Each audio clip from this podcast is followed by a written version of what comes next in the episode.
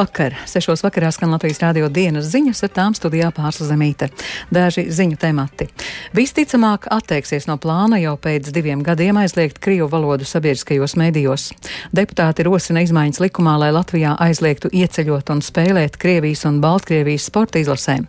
NATO ģenerālsekretārs Stoltenbergs ierodas iepriekš neizziņotā vizītē Kīvā.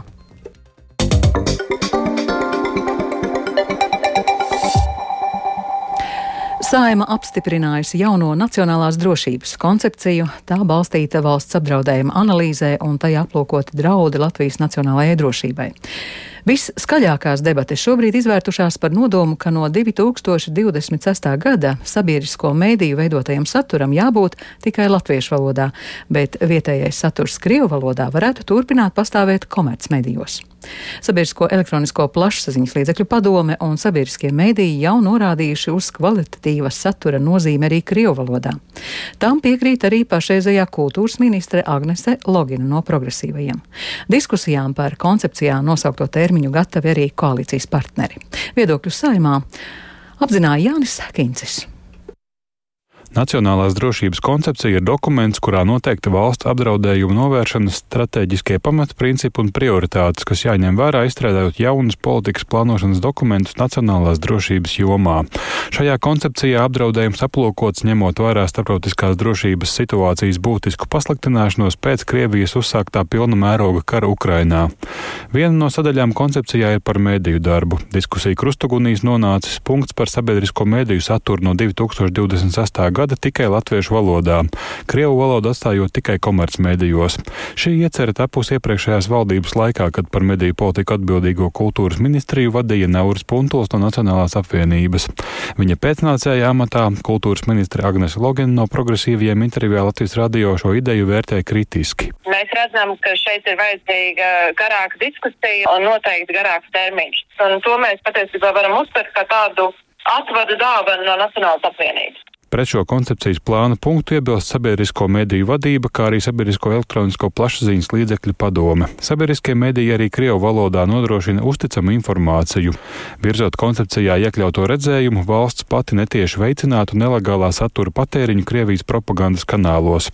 Savukārt Nacionālās apvienības deputāte bijusi aizsardzības ministra Ināra Mūrniece šo koncepcijas punktu vērtē šādi. Redzam, ka tā ir tomēr virzība uz priekšu un kaut kāds solis, kaut kāds progress arī šajā ziņā. Valdošās koalīcijas partneri no jaunās vienotības un Zaļo zemnieku savienības gluži vienbalsīgi runā, ka valsts valodas loma medijos ir jāstiprina. Taču pašlaik diskusija par krievu valodas iespējamu izstumšanu no sabiedriskiem medijiem ir sasteigta. Nacionālās drošības koncepciju balsojumu akceptēja saimas absolūtais vairākums. Pret balsoja stabilitātei frakcija, bet nebalsoja deputāti no Latvijas pirmajā vietā. Jānis Kincis, Latvijas radio. Saimā izskan rosinājums aizliegt Latvijā rīkot sporta spēju sacensības ar Krievijas vai Baltkrievijas nacionālo vai jauniešu izlašu dalību. Deputāti rosina sporta likumā noteikt, ka Latvijā nedrīkst ieceļot Krievijas un Baltkrievijas komandu sporta spēļu nacionālās un jauniešu izlases. Saimās sporta apakškomisijas vadītājs Dāvis Mārtiņš Daugavietis no jaunās vienotības Latvijas radio skaidroja, ka grozījums virzīt pamudināja Eiropas futbola federācija asociācijas lēmums pielaist starptautiskajiem turnīriem Krievijas jauniešu izlases. Mēs sapratām, ka nu, tas nav pieņemami, tīpaši ņemot vērā kontekstu ar to, ka Latvija izcīnīja tiesības 2027. gadā rīkot šādu turnīru. Tas nav pieļaujams, un tīpašā situācijā, kamēr notiek aktīva kara darbība Ukrainā, ko ir uzsākusi agresoru valsts Krievija. Paskatāmies Krievijas U-17 futbola izlasi, tad trīs cilvēki pārstāv Maskavas CSK, kas ir uh, cieši piesaistīts Krievijas armijas struktūrām, trīs cilvēki pārstāv Maskavas Dinamo kas ir cieši piesaistīts Krievijas iekšlietu struktūrām. Šie grozījumi jau ir iesniegti saimnes prezidijā. Tas nozīmē, ka tas ies uz nākamo saimnes sēdi. Tad nākamā ceturtdiena, ja kolēģi atbalstīs tālāk, ko nodosim komisijai, tad komisijā varbūt tie pāris tehniski labojumi. Tālāk jau pirmā otrā lasījumā es domāju, ka tam procesam nebūtu jābūt garam un arī termiņus mēs neliksim garus.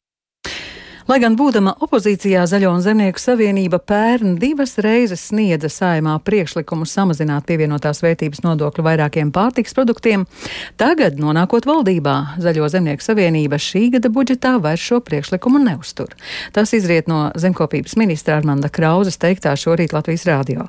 Krauze pieļauj, ka pie tā varētu atgriezties nākotnē, bet tieši kad nekonkretizē.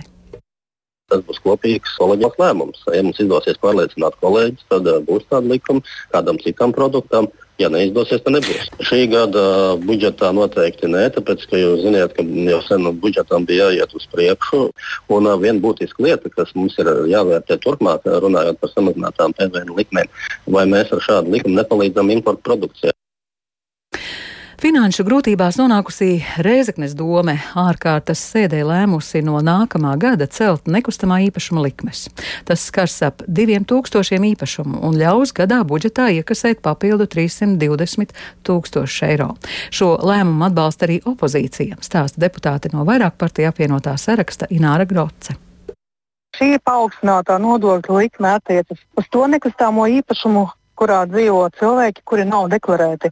Tātad tas ir uz tiem tā saucamajiem tukšajiem dzīvokļiem, kas ir kāda īpašumā un kur nav neviens deklarēts. Laikam tie 320 tūkstoši varētu būt nu, ne tik viegli sasniedzami, jo pēc šī lēmuma pieņemšanas daudzi savos tukšajos dzīvokļos noteikti piedeklarēsies, lai šo paaugstināto likmi nemaksātu. Pēc būtības mēs šo lēmumu atbalstam, jo lēmumā ir arī otrs punkts, kas uh, uzliek lielāku nodokli. Tie ir 3% no likmes par tiem īpašumiem, kas ir graustu stāvoklī kas eh, varbūt eh, īsti neiekļaujas šajā pilsētvidē, kas varētu motivēt šos gausus sakopt, un arī attiecas uz, tām, uz tiem īpašumiem, kas nav nokārtojuši astoņu gadu laikā eh, visu nepieciešamo dokumentāciju, lai nodotu eksploatācijai nepabeigtas mājas vai arī mājas, kuras ir pabeigtas, bet nav nodotas eksploatācijai.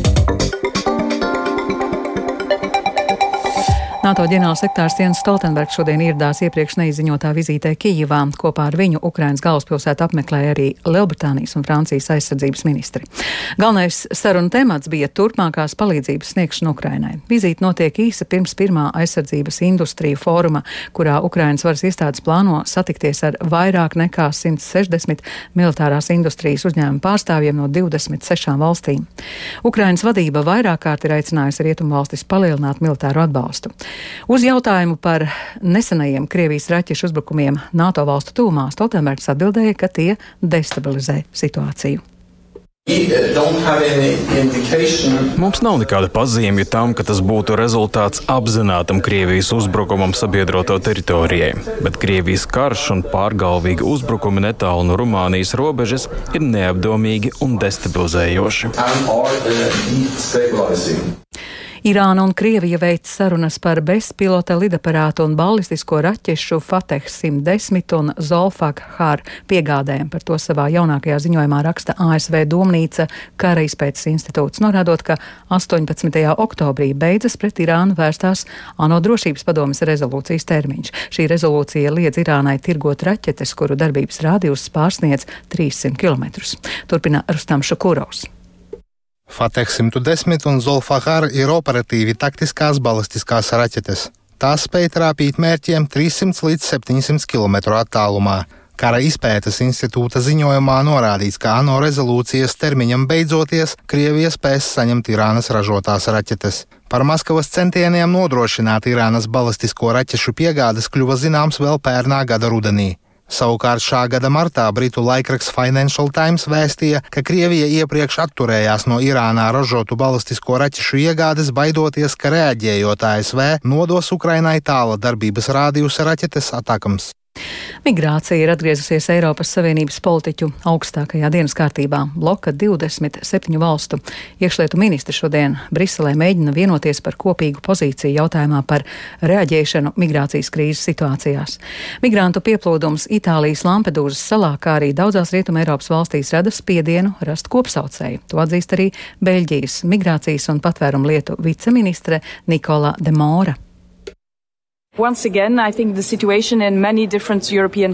Jau atkal situācija daudzās Eiropas valstīs rāda, ka Eiropas migrācijas un patvērumu politikas reforma ir ārkārtīgi steidzami nepieciešama, bet mēs esam uz pareizā ceļa un pēdējo mēnešu laikā esam spējuši panākt progresu. Tāpat mums ir jāstiprina attiecības ar valstīm ārpus Eiropas Savienības, no kurām patvērumu meklētāji nāk vai kuras tie šķērso. Mums ir jāinvestē šajās valstīs, lai radītu tur ekonomiskās iespējas. Eiropas Savienība cenšas dažādot savus elektroenerģijas ražošanas avotus, lai iegūtu tīrākus, pieejamus un pašpietiekamus enerģijas avotus.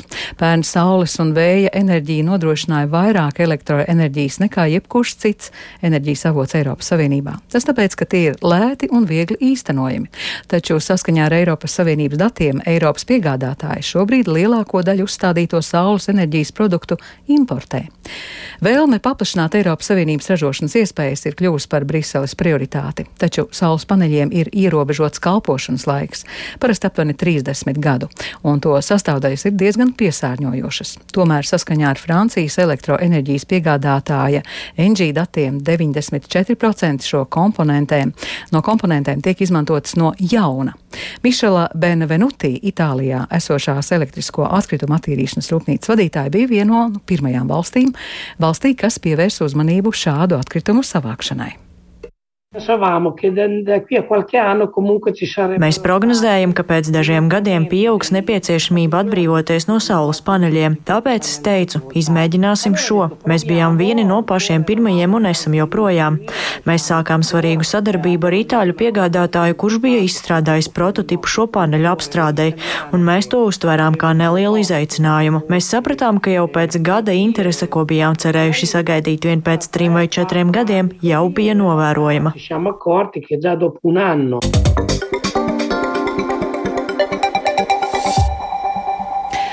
Māju renovācija viens no Rīgas galvenajiem uzdevumiem. Sešu gadu laikā pašvaldība apņemas siltināt 2000 māju. Tas nozīmē, ka darba temps ir jāpalielina desmitiem reižu. Viena no lielākajām problēmām - iedzīvotāji savas mājas nosiltināt nevēlas. Viens no retajiem izņēmumiem ir Ziepniekalnā, kur Bauskas ielā atjaunotas divas pērnā gadsimta 60. gados būvētās ēkas. Ar māju iedzīvotājiem un interesantiem aprunājās Viktors Demīdovs. Ilgi bija renovācija. Nu, tad labi, jūs pats skatāties, kā jūs ir. Mums arī labi izskatās viņa vismājā. Jūs balsojāt par to vai tomēr pieturējāties? Jo daudzi balso pret. Nu, nē, es balsoju par to. Nu, za. Visi balsoja par renovāciju, lai būtu normāli ar apkuri, ar balkoniem un visu pārējo. Tikai nav zināms, cik vajadzēs maksāt. Saka, ka maksāt vajadzēs mazāk. Говорят, что меньше. Tā tikai saka, ka mazāk. Jebkurā gadījumā procentu maksājumi vēl pieaugs. Ņēmām par 1% likmi, tad tā vēl augs. Par cik? Nav zināms. Nu, protams, ka labāk nesalīdzinām. Jā. Kaut vai vizuāli tā māja, kā izskatās arī droši vien par cik ziema jau vēl nav bijusi. Viņa jau būs arī siltuma atdeve labāka. Grūti pateikt, ka būs ja mērījumi kaut kādi, tad jau varēs. Jūs atbalstījāt? Es domāju, laikam neatbalstīju. Kāpēc? Nezinu.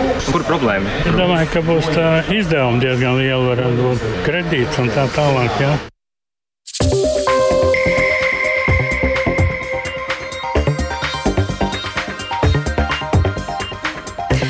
Ar to izskan Latvijas rādio dienas ziņas. Producents Edgars Kupčs, ierakstus montēja Ūdens Grīnbergs, par labskaņu rūpējās Katrīna Bramberga, ar jums runāja Pārsla Zemīte, vēl īsi par izskanējušo. Visticamāk, atteiksies no plāna jau pēc diviem gadiem aizliegt krievu valodu sabiedriskajos mēdījos.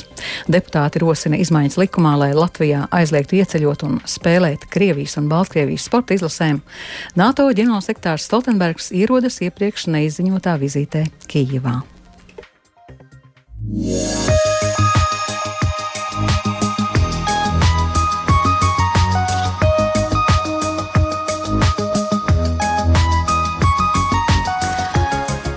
Latvijas vidas geoloģijas un meteoroloģijas centrs informē Rīgā pat labam 24 grādi, dienvidu vējš 4 m2, gaisa spiediens 768 mm, gaisa relatīvais mitrums 59%.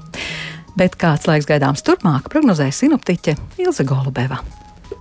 Piektdienas naktī un dienas pirmajā pusē lietus nav gaidāms, tomēr pēcpusdienā mākoņu debesīs kļūs vairāk un vietām vakarā arī gaidāms lietus. Vējš būs lēns, līdz ar to naktas stundās dažviet veidosies migla un gaisa sadasīs līdz plus 10, plus 17 grādiem, bet diena atkal būs patīkami silta, jo temperatūra sasniegs plus 19, plus 24 grādus. Brīvdienās laikapstākļi kļūs nedaudz rudenīgāki, dienu laikā termometra stabiņš vairs nepārsniegs plus 20 grādus grādu atzīmu un brīžiem būs gaidāms arī lietus.